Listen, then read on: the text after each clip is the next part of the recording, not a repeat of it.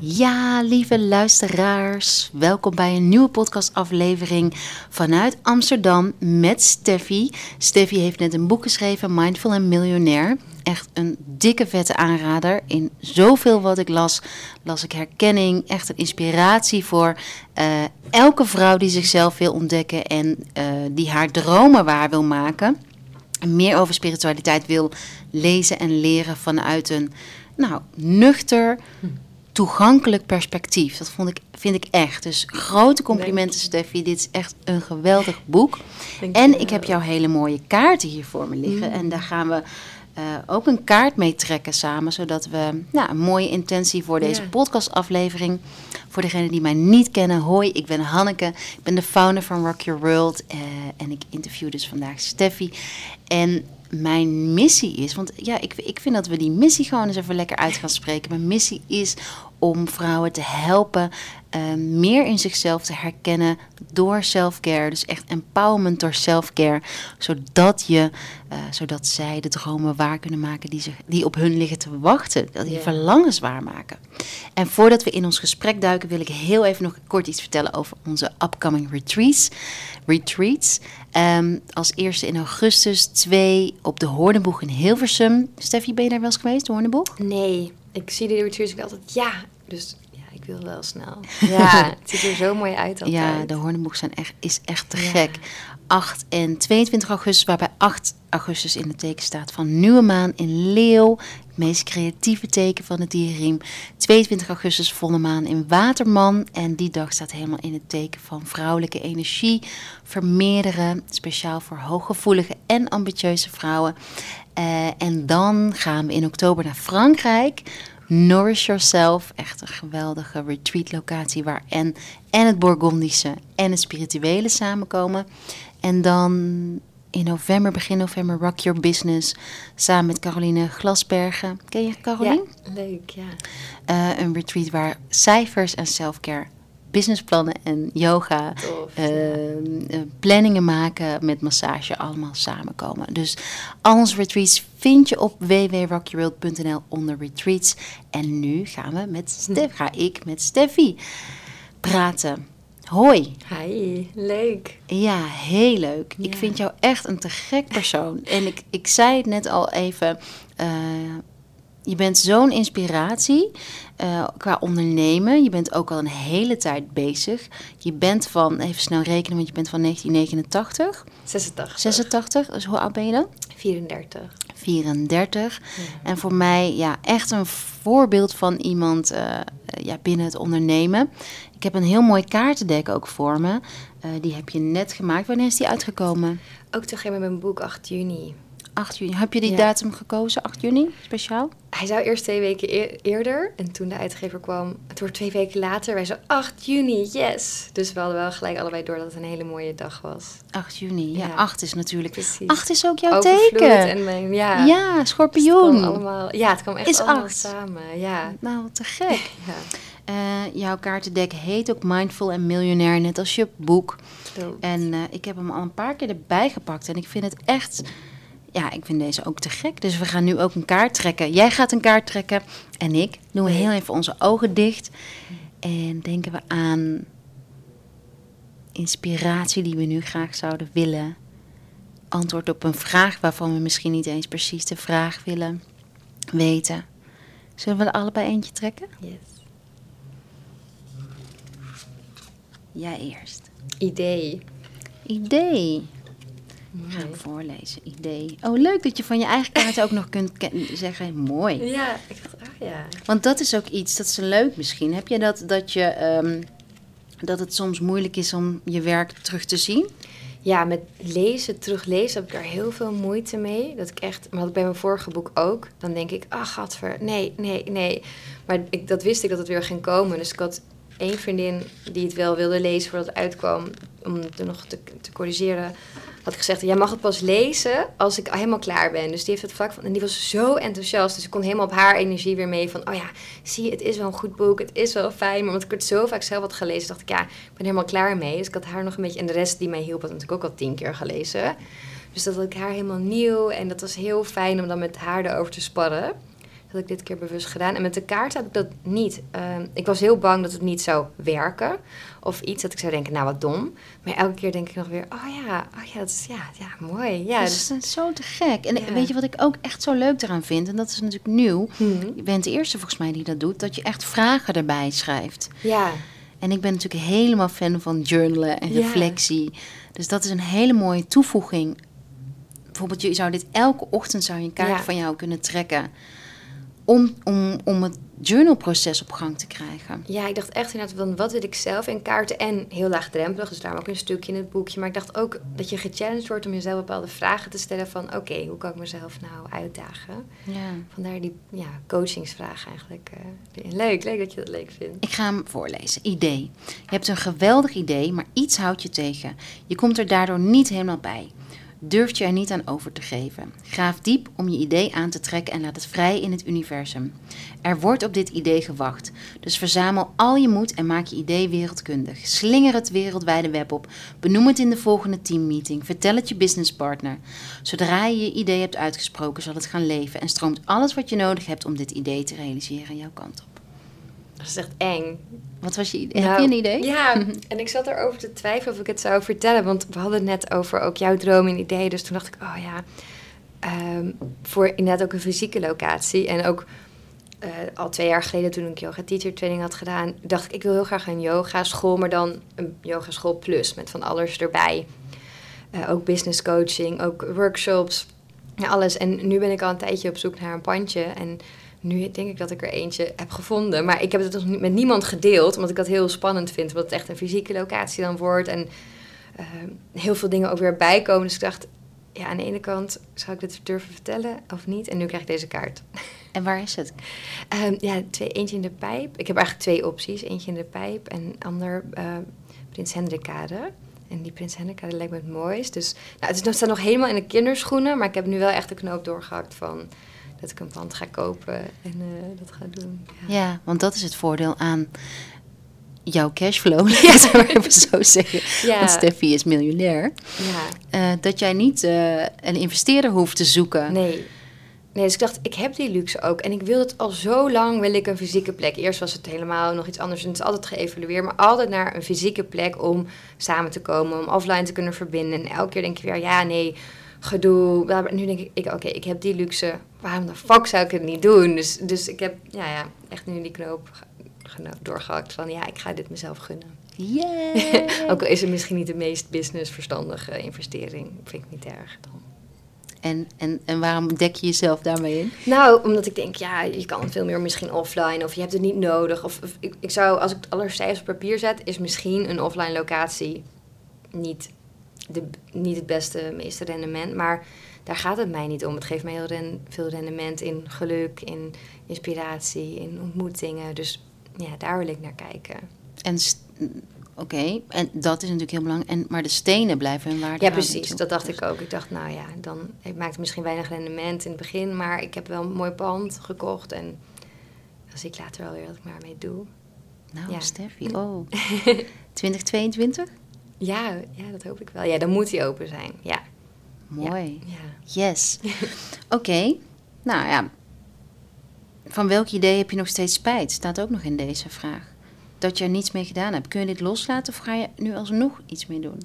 Ja, ik kan dus wel echt mijn ideeën loslaten. Want ik heb een beetje à la Elizabeth Gilbert misschien, van eh, Big Magic. Ik heb heel veel ideeën. En ik heb wel eens vriendinnen die zeggen van... Oh, ik had ook dat idee van dat of dat. En het is niks geworden. Zo jammer. Maar ik denk, ja, ik heb zoveel ideeën. En ik besluit ook of ik er iets mee ga doen of niet. En vaak doe ik er niks mee, omdat ik nog honderd ideeën heb. Ehm, dus ik denk dan, nou, dan ben ik juist blij als iemand anders wat idee heeft, daar iets mee gedaan heeft. Dus nee, ik laat, die, die ideeën kan ik wel loslaten. Of ik doe er zoals nu dan twee jaar, drie jaar, vier jaar later nog weer wat mee. Dan blijft het idee wel bij me, maar zoek ik nog de juiste vorm. Ja, dat is mooi dat je dat zegt. Want ik denk ook dat het idee wat uitgewerkt wor- wil worden, die blijft bij je. Precies. Ja. En dat is ook denk ik de kunst van een ondernemer. Eh, die voelt een idee en dan, wat ik ook vertelde over mijn ideeën, dan wil ik het meteen uitgevoerd hebben. Ja, zo herkenbaar. Maar dat is niet altijd de, de beste optie. En Steffi, Nee. weet je, Big Magic komt ook al zoveel vaak op mijn pad. Het is natuurlijk een, eh, een boek wat, denk ik, bij creatieve ondernemers veel besproken is. ja, Ik heb hem dus nooit uit kunnen lezen. Uh, ik heb, ben erin begonnen toen ik naar Bali ging, uh, vijf, zes jaar geleden. Um, maar het beklijft niet. Terwijl ik van zoveel vrouwelijke ondernemers hoor dat het zo'n topboek is. Is, is, is het jouw boek? Hoe, nee, het is, niet, maar het is een boek. Maar ik heb hem ook best wel steeds in stukjes gelezen. Omdat uiteindelijk is natuurlijk... Het idee is best wel vaak een soort van herhaling. Maar ik vind dan haar persoonlijke stukjes tussendoor leuk. Um, dus ik denk, misschien als je dat hebt gelezen, is het ook wel genoeg. Je hoeft misschien niet het hele boek te hebben gelezen. Dat bijvoorbeeld met, met Fooled by Randomness. Dan denk ik, oh ja, dat, boek moest ik lezen. Maar halverwege dacht ik, ja, ik snap het wel. Dus heb ik ook niet uitgelezen.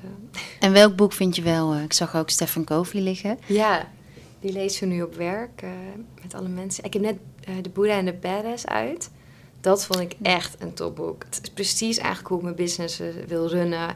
Wat voor werkgever ik wil zijn. Wat voor persoon ik wil zijn. Dus dat vind ik echt wel echt een aanrader. Van wie, wie heeft het geschreven? Oh, um, ja, Vision. Hij is van de Mind Valley.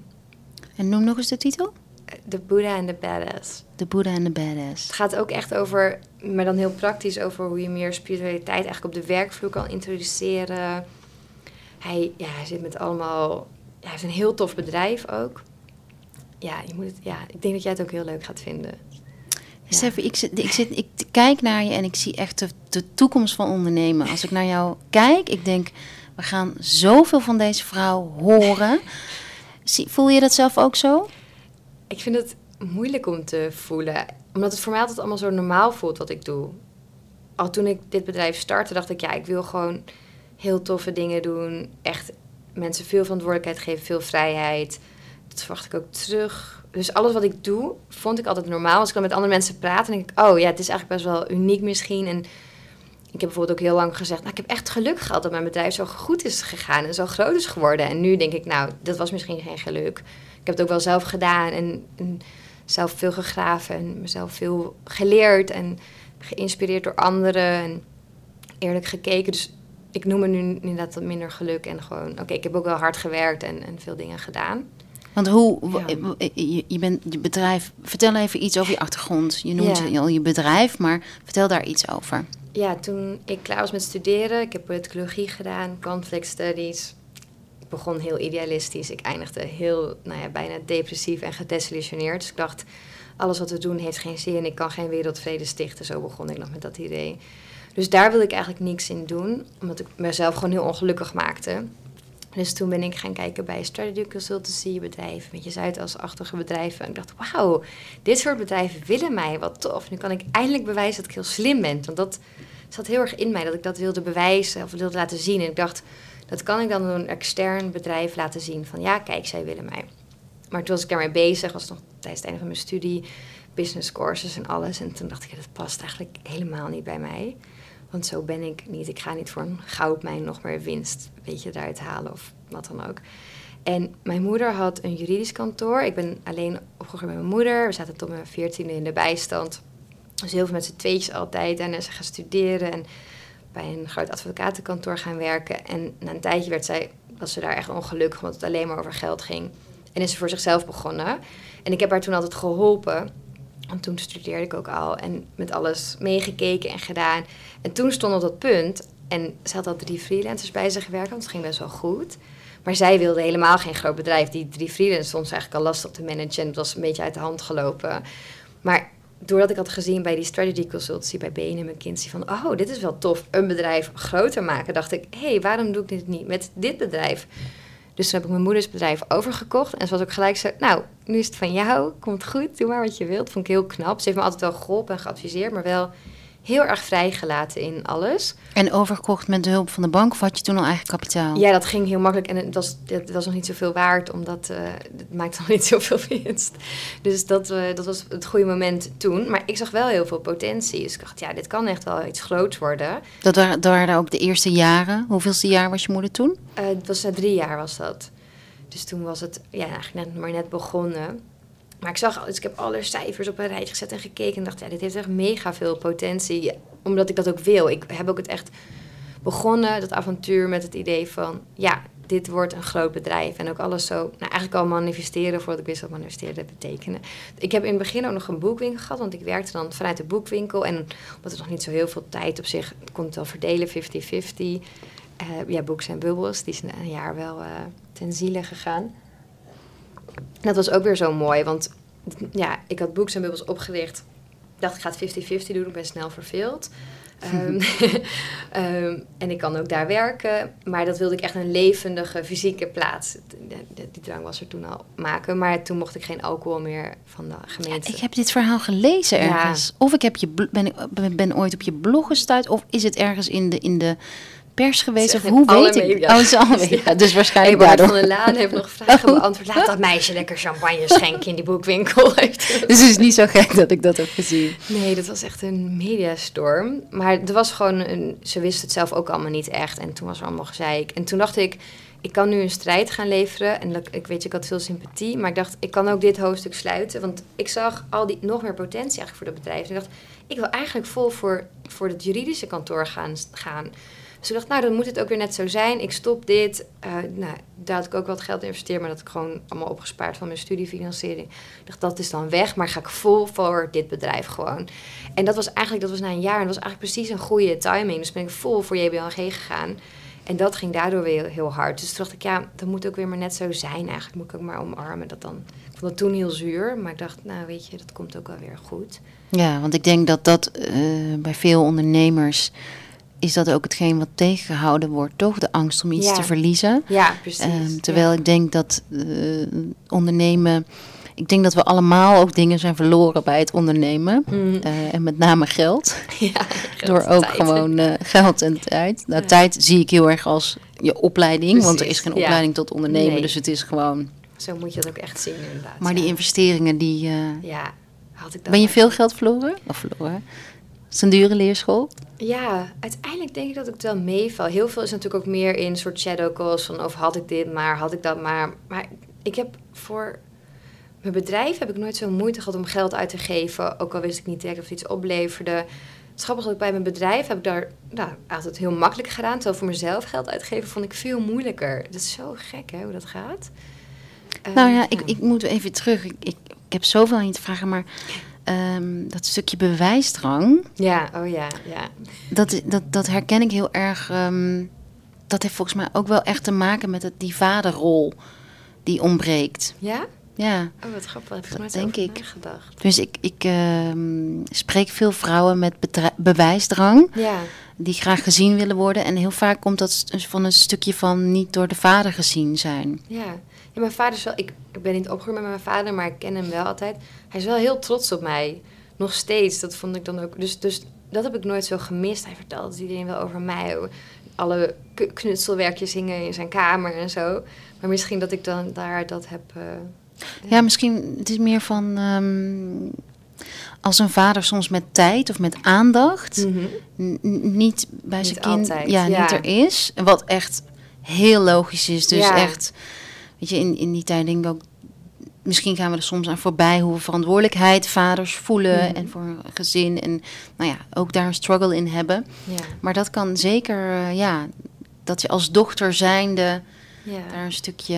Tenminste, dat is iets wat ik heb Ja, grappig, geobserveerd. Ik doe natuurlijk heel veel gesprekken één op één. En dat, dat is me opgevallen. Ja, dat kan best wel. En dat ik dan toch... Misschien ook omdat ik daar zo trots op was... als hij dan dingetjes van mij liet zien... dat het daar... dan ik denk, oh, dat is dan mijn beloning of zo. Ja. Misschien, eh, ja, grappig. Oh, zo heb ik er nog nooit tegen aangekeken eigenlijk. En ehm, oké, dus je had Books en Bubbles. Ja. Maar toen ben je vol voor. eh, eh, ik, kan, ik kan het nooit niet uitspreken. JBL? Ja, JBL en G. Gewoon Ja. JBL en G. Het bedrijf is van je moeder. Ben, je bent er ingestapt. Nou, is natuurlijk de voor de hand liggende vraag: hoe ging dat om samen met je moeder te doen? Ja, ging heel goed. Want ik dacht wel van, want we zijn heel anders. Maar dat werkt ook zo goed eigenlijk. Want ik ben heel erg macro. Ik kijk naar de toekomst, strategie, plannen, cijfers. En mijn moeder is meer micro. En eh, nu ook echt een moeder van kantoor. Dus die loopt hier nog wel rond en zegt Ja. ze... Oh, je hebt wel een kind. Mo- Moet je wel goed voor jezelf zorgen, zegt ze dan tegen mijn medewerker. Dus, dus zij heeft echt die verzorgende rol en, en meer van op alle kleine dingetjes letten. En ik ben veel meer met alle toekomstdingen bezig. En daarom vullen we elkaar zo goed aan en zitten we ook niet echt in elkaars vaarwater. En zij was gelijk al, en dat vind ik, daar mag zij echt zoveel complimenten voor hebben. Dat zou ik andersom niet hebben gekund. Zo van, nee, ik vertrouw jou en doe maar. Dus vrij al in het begin wil ik uh, dit kantoor, maar dan hierboven de helft was dat huren. Nou voor vijf mensen, 300 vierkante meter, sloeg nergens op. Maar ik had al gezien hoe groot het werd in mijn visualisaties. Dus ik zo, ja, dit kantoor. Hij zei zo, ja, nee, doen. Toen ze dacht, oh mijn god, weet je wel. En ook het gelijk drie juristen nog aangenomen in loondienst. Want we hadden eerst natuurlijk al die, die freelancers. En zei ze, oh mijn god, oh mijn god. Nee, ja, doen kind, leuk. Gewoon, weet je, applaudisseren. Cheer, een cheerleader. Ja. Je moeder als cheerleader, ja, mooi. Ja, doodeng vond. Maar wel, ze vertrouwde wel mij. En ze dacht, ik wil ook niet, dan zeg ik ook gewoon, ja, nee, dat is een goed idee. Dus dat vond ik wel heel tof eigenlijk. Dat, uh, dat alle ideeën die ik had. En ja, dat is wel, uh, dat vond ik wel fijn werken. Niet dat je, ik zie vaak bij vader op zoon, als dat gaat, dat het echt een enorme struggle is. Dat die zoon echt moet vechten voor prestige. Plaats. Ja. En het scheelt denk ik wel dat het was natuurlijk heel klein toen ik erbij kwam en het is heel snel heel groot geworden. Dus voor al die nieuwe mensen stond ik al aan het hoofd. Dus voor hen was het niet, oh, er is een wissel opeens. Nee, ik was al voor hen het bedrijf. Dus dat scheelde, denk ik, dat is wel heel fijn geweest voor mij. Ik hoef niet een plaatsje op te eisen. En je noemde al even visualisatie en manifestatie, allemaal hele moderne woorden, wat natuurlijk nu wat meer aandacht krijgt. Ja. Um, maar wat ik fijn vind aan je boek is dat je dat eigenlijk heel erg praktisch uitlegt. Want ik, ik ben ook heel erg van. Uh, manifesteren moet ook geen modewoord worden. Nee. Het moet ook niet moeilijker gemaakt worden dan het is. Nee. En ik denk dat jij die mening deelt. Zeker, ja. Um, en ik denk dat het een benoeming is van een van je kwaliteiten. Om iets voor je te zien en de stappen te kunnen zien. Ja. Die je mag nemen en ergens voor te gaan. En je vertelde over, al over politicologie en ideaal. Ja. Is dat ook, denk ik, denk je, vind je dat een van je grootste kwaliteiten? Dat manifesteren met idealen? N nou, uh, iets zien en daarvoor gaan. Oh, zo, ja, dat denk ik wel. Want toen ik dit bedrijf begon, ken ik de woorden visualiseren en manifesteren nog totaal niet. Dat was ook nee. totaal niet spiritueel, maar onbewust heb ik dat dus wel gedaan. Ik denk dat ik wel aan de ene kant ben ik ook wel eens vaak onzeker en, en angstig. Maar mijn drive om iets neer te willen zetten is, en dan ook nu, inderdaad, wat jij het ook al had, is zoveel groter dat ik het dan toch wel doe. En omdat ik heel roekeloos vaak in iets begin, heb ik mezelf al erin gegooid. En dan moet ik wel, want dan wil ik ook bewijzen dat ik het kan. Dus dan ga ik ook al die moeilijke stapjes nemen, waarvan ik in het begin had ik dan gedacht, oh, had ik nooit gedurfd als ik dat had geweten. Maar ik dacht nog helemaal niet na over hoe ik er kom. Ik dacht alleen maar waar ik wilde zijn. Ja, mooi. En omdat ik dat deed, dan moet je jezelf ook committen. Dus, ja. Heel herkenbaar. Ja. En, en, en uh, is er iets geweest waarvan je achteraf en je bent dus heel erg bereid om het in het diep te springen. Ja. En je zei van angstig. Zijn er dingen, zijn er, uh, is er een houvast, zijn er routines? Want ik heb even snel in je geboortehoroscoop gekeken. Ja. En uh, daarin komt het belang voor jou van routines heel erg terug. Ja. Dus een, een dagelijkse routine is iets wat jou houvast geeft. Heb je een dagelijkse routine? Ja, te weinig. Maar dan merk ik ook dat als ik dat als ik alle kanten op ga, dat ik dan ook onrustig word en dan helemaal te vatten ook word. Dus dan, ik weet ook wel van mezelf van nee, ik heb routines nodig. Ik ga soms mijn agenda door. Ik heb helemaal een color-coded mhm. agenda. En dan weet ik waar ik moet zijn, hoe lang ik ergens over doe. En dat, dat geeft mij heel veel houvast. Ik vlieg vaak van hond naar ik kan weten... oh nee, dit is allemaal goed gepland. Ik zet een alarm voor alles wat ik doe op een dag. Dus nou ja, voordat wij deze afspraak hadden, zet ik dan een alarm. Dan weet ik, oké, dan ga ik nog even naar wc, dan zet ik alles klaar. En dat, dat geeft mij heel veel houvast. Want in het begin wilde ik heel graag een strakke ochtendroutine en een avondroutine. Maar ik heb geleerd, ja, de ene dag moet ik hier om negen uur zijn en liever sta ik om negen uur op. Dus ik heb dat leren los te laten. Um, maar dan wel de routine in hoe ik mijn dagen indeel en hoe ik dat doe. Ja, laten we ook niet vergeten dat, uh, dat is ook wel grappig, hoe meer we leren natuurlijk over ochtendroutine, ja. Dat, het leuk, dat het belangrijk is, laat ik het zo zeggen. Uh, hoe meer we daar ook weer rigide in kunnen zijn. Precies. En dat vond ik leuk ook in je boek te lezen. Dat jij niet bent team, je moet om zes uur opstaan. Nee. Uh, want dat that's the only way. Want dan gaan we dus ook helemaal voorbij aan wat selfcare ja. is. En waar Rock Your World ook voor staat. Ja, is, precies. Um, ja, vind je eigen route. En ik kan inderdaad een kader geven en vertellen van... ehm, nou, zo zou je het kunnen doen. Maar uiteindelijk ben jij degene die het werkbaar maakt voor Ja. jezelf. Dus dat vond ik ontzettend tof om te lezen. Omdat we...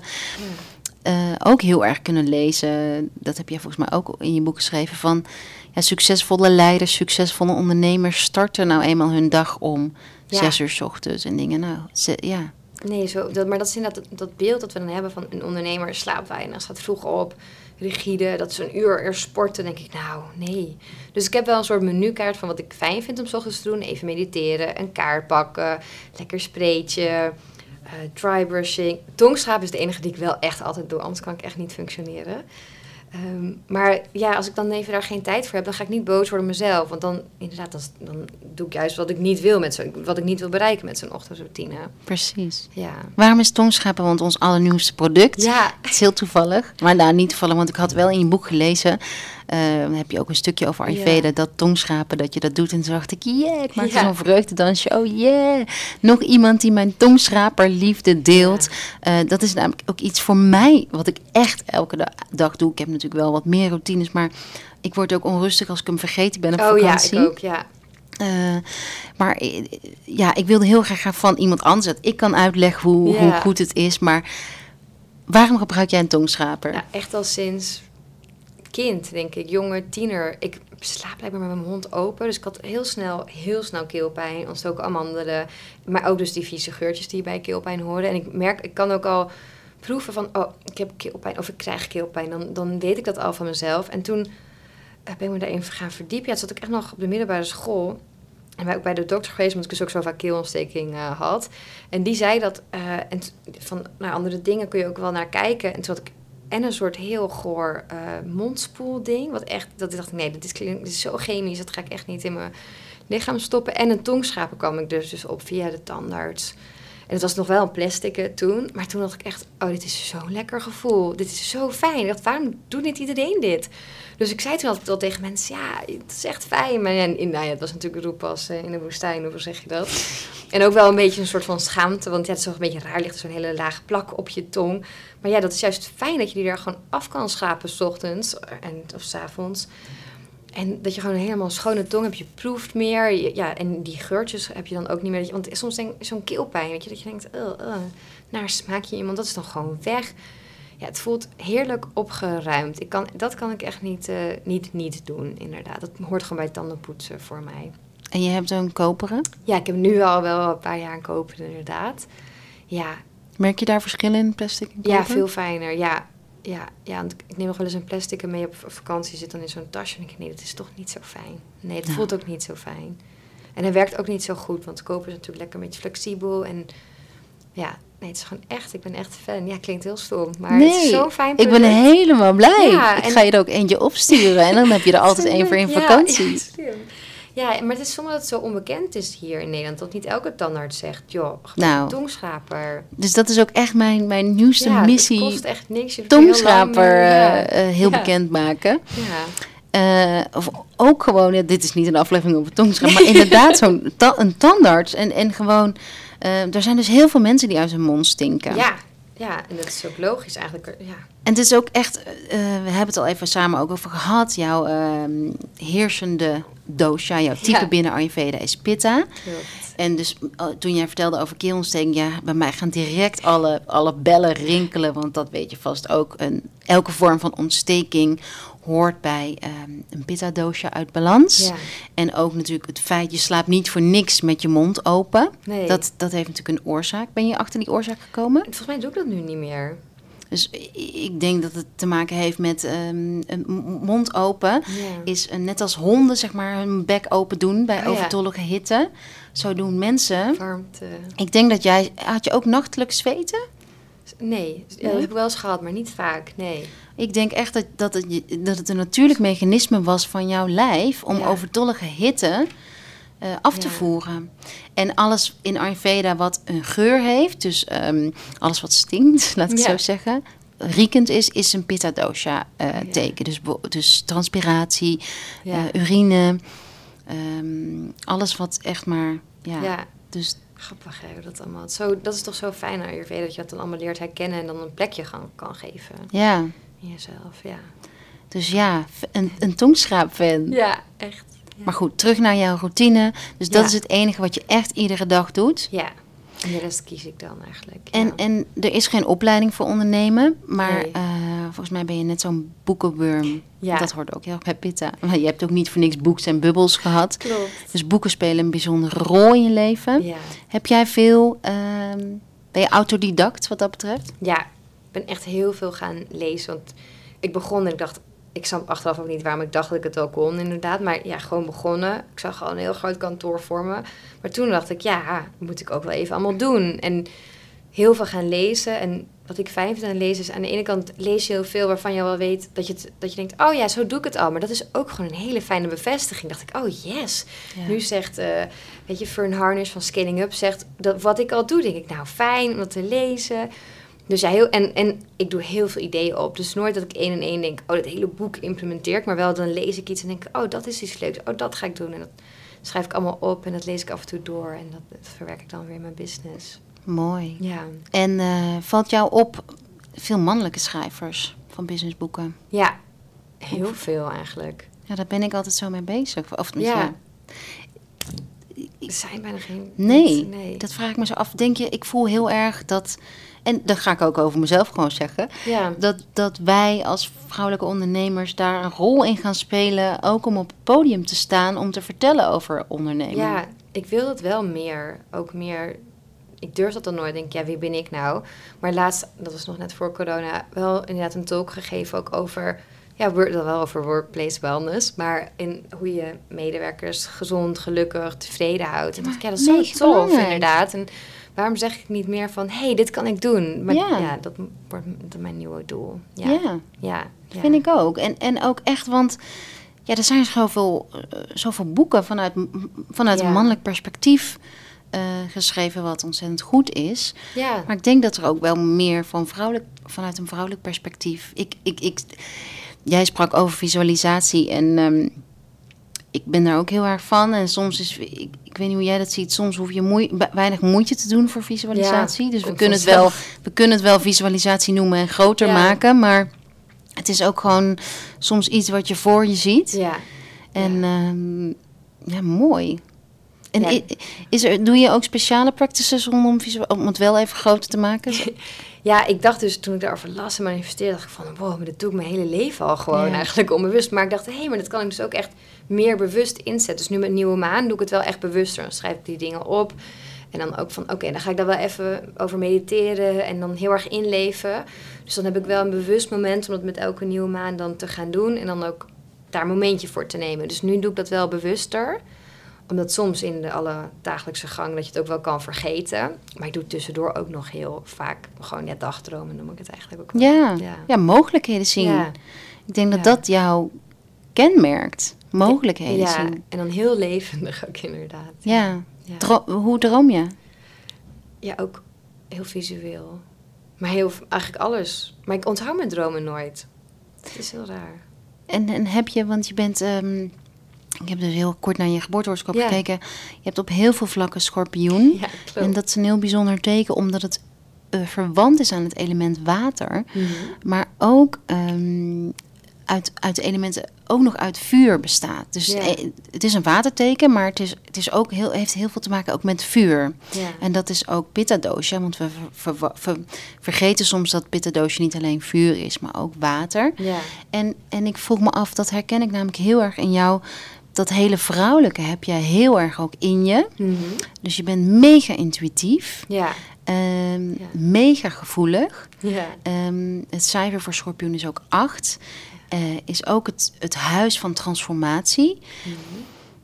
Is dat iets waar je, wat voor jou een belangrijke rol speelt?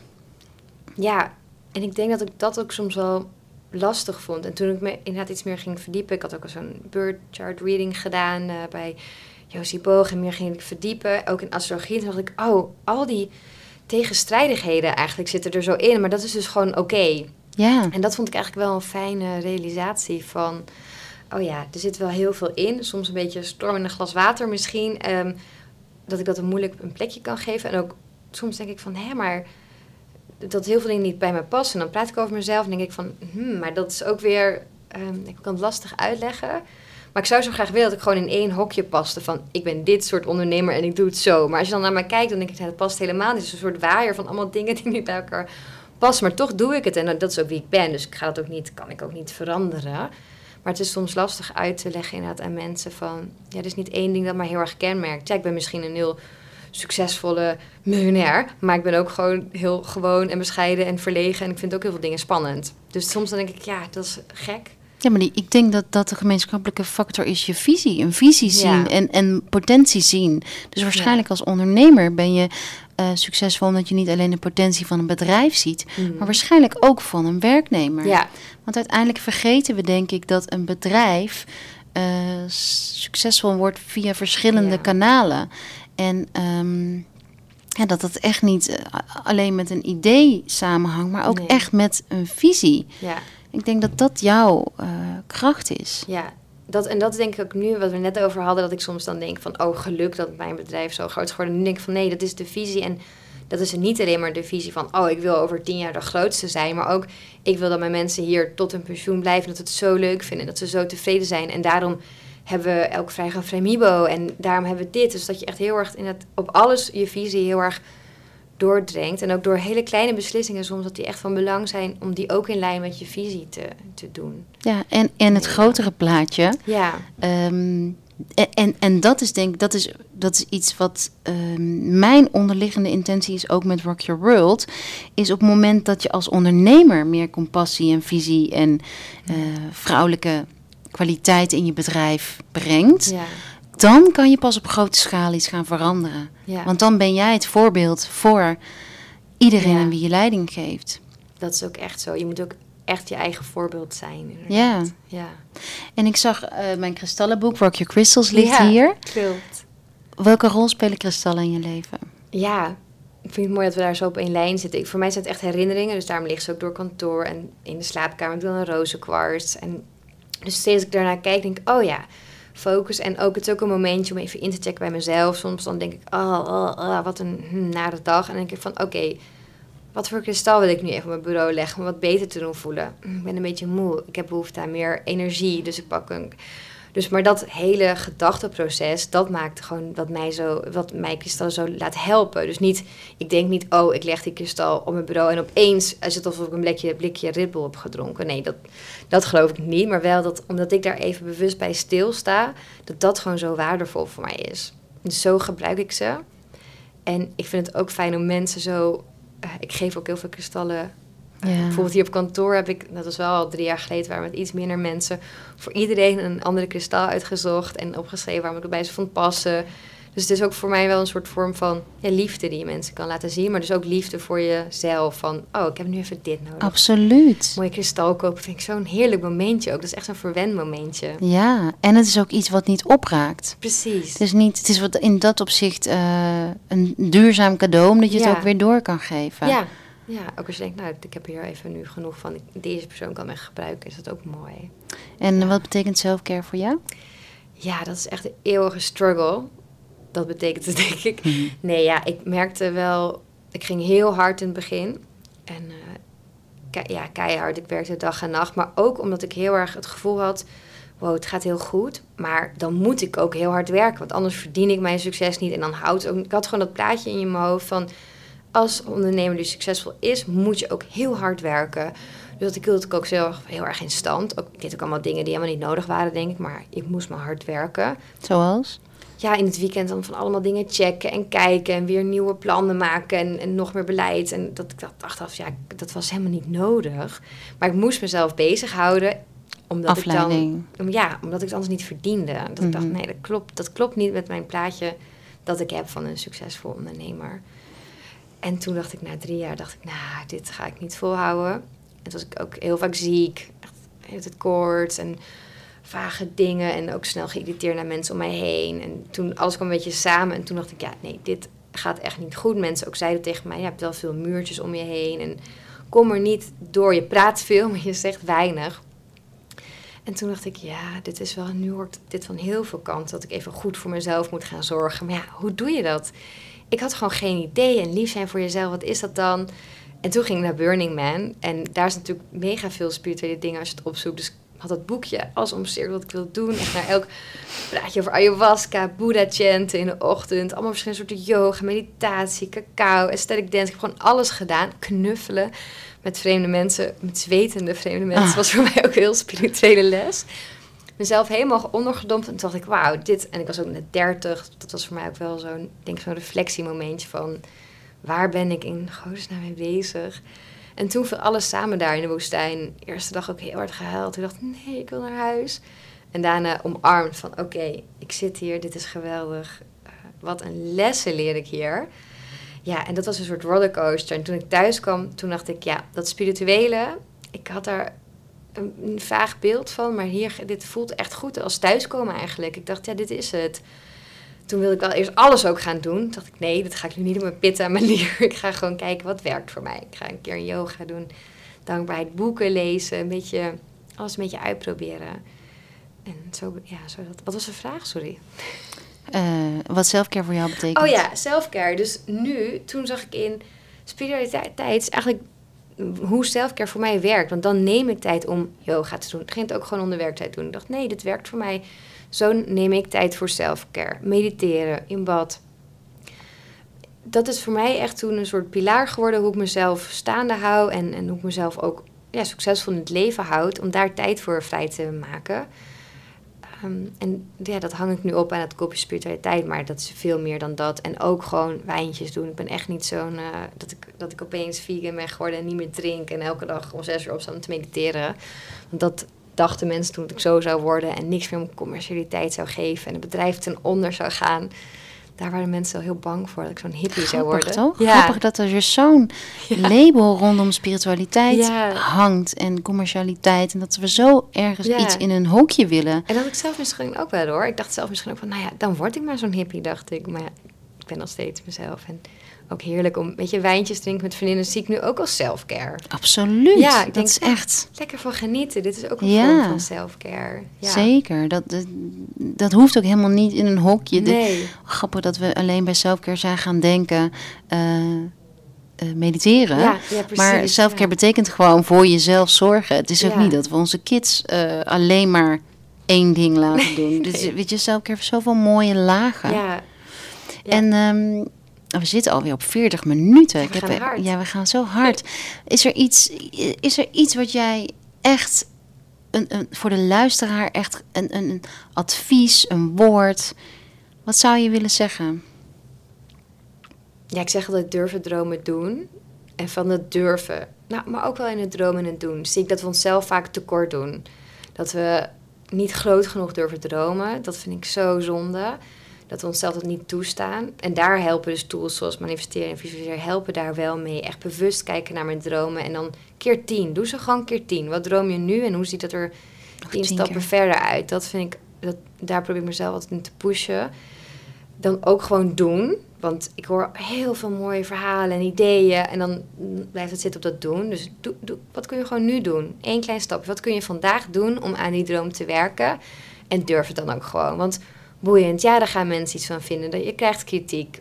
Je gaat dingen fout doen. Maar who cares? Ja, Dat is wel echt wat ik steeds leer. En ook steeds tegen mezelf zeg. Dan denk ik, oh, waarom doe ik dit nou niet? Ja, ik durf het niet. Oké, ik ga het doen, want dit is mijn droom. En dan ga ik wel gewoon weer. ja dus ook gemakkelijk worden met wat anderen van je denken. Ja, Dat is natuurlijk ook bij ons beiden en voor iedere ondernemer anno 2021. Nou, niet iedere, maar zoveel zichtbaarheid. En Ja. met die zichtbaarheid bereik je mensen met wie je helpt. Maar er zijn ook mensen die, eh, ja, die Ja. iets van je vinden. En, ja. eh, En laat ze lekker. En ook, maar wat, wat grappig is, ik, ik krijg helemaal niet zoveel kritiek en dingen, maar het is meer dat je zelf, dat heb ik erg mezelf heel erg tegen gehad, van oh, wat als iemand hier iets van vindt? Of wat gaan mensen hiervan vinden? Of wie ben ik nou? Wie zit er op mij te wachten? Dat denk ik ook altijd. Denk ik, nou ja, dan zit niemand op mij te wachten, is ook niet erg. Maar in, mijn hoofd, en ik denk dat, dat ik daar niet de enige ben, dus daarom eh, helpt dat mij om dat tegen mezelf te zeggen. In mijn hoofd leg ik zoveel belemmeringen en, en beperkende overtuigingen op dingen dat ik denk, waar ja, niet zoveel nadenken, gewoon doen. mooi. Ja. Oké, ik, ga- ik had ook een kaart getrokken in het begin. Toewijding is mijn kaart. Toewijding. Mooi. Toewijding met open handen. Zie ik heel erg. Ja. Ik zoek hem even op. Volledige toewijding is wat je nu nodig hebt. Geen afleiding, geen halfbakker commitment. De liefdevolle en krachtige energie van toewijding boort jouw allerdiepste innerlijke krachten aan en zorgt voor verbinding met jezelf, de mensen om je heen en het universum. Toewijding maakt je moedig en dat is precies wat je nodig hebt om dit tot een succes te maken. Je weet precies over welk project, keuze, idee, mogelijkheid of kans ik het nu heb. Ga volledig voor met je hele hart en ziel om hier een succes van te maken. Mooi. Heb je iets in je hoofd? Eh, De tongschraper. de tongschraper. Nou, weet je wat grappig is? Ik, ik ben. Ik heb. Misschien is dat weer het ideetje, zoveel ideeën. Dat echt die toewijding soms. Hmm. eh, misschien juist de grootste uitdaging is. Ja. Tongschraper. Misschien een fysieke locatie Ja. toch? Ja, ook ja. Dus ja, de cool. toewijding. Ja, dat, dat, dat ga, daar ga ik, dat, ik, ik ga het laten leven. Maar het, de kaart spreekt heel erg tot me. Mhm. Dus ik ga hem gewoon laten, Borrelen. laten borrelen. Ja. Ja. Alright. Waar kunnen mensen jou vinden? Op Wat is het makkelijkst? Steffi Roos Dumane. Steffi met een Y. En eh, online Mindful Millionaire met een streepje ertussen. Hm. Daar kunnen ze ook jouw boek kopen. Ja, ook op, bij de boekwinkel is natuurlijk het leukste. Maar als je geen tijd hebt om naar de boekwinkel te gaan, ook op bol.com. En de kaartendek, zijn die ook op je eigen website Ja, te op kopen? mijn eigen website, klopt. En de boekhandel, ja, dat is wel leuk, omdat je dan ook de boekhandel steunt. Precies, ja. En dat is toch ook wel een hele ervaring. Dat vind ik ook, dat is voor mij echt een selfcore moment. Naar de boekwinkel. Oh. En boeken uitzoeken. Zo heerlijk. Ja, oh, dat heb ik ook. Ja, voor vakantie altijd. Ja, boeken. Ik hou ook heel erg van de bibliotheek. Ik hou Ja. van, een- van, hoe noem je dat? Eh, De kiosk eh, met Ja. tijdschriften kijken. Ja, heerlijk. Ja. Dankjewel, Steffi. Dank jou, leuk.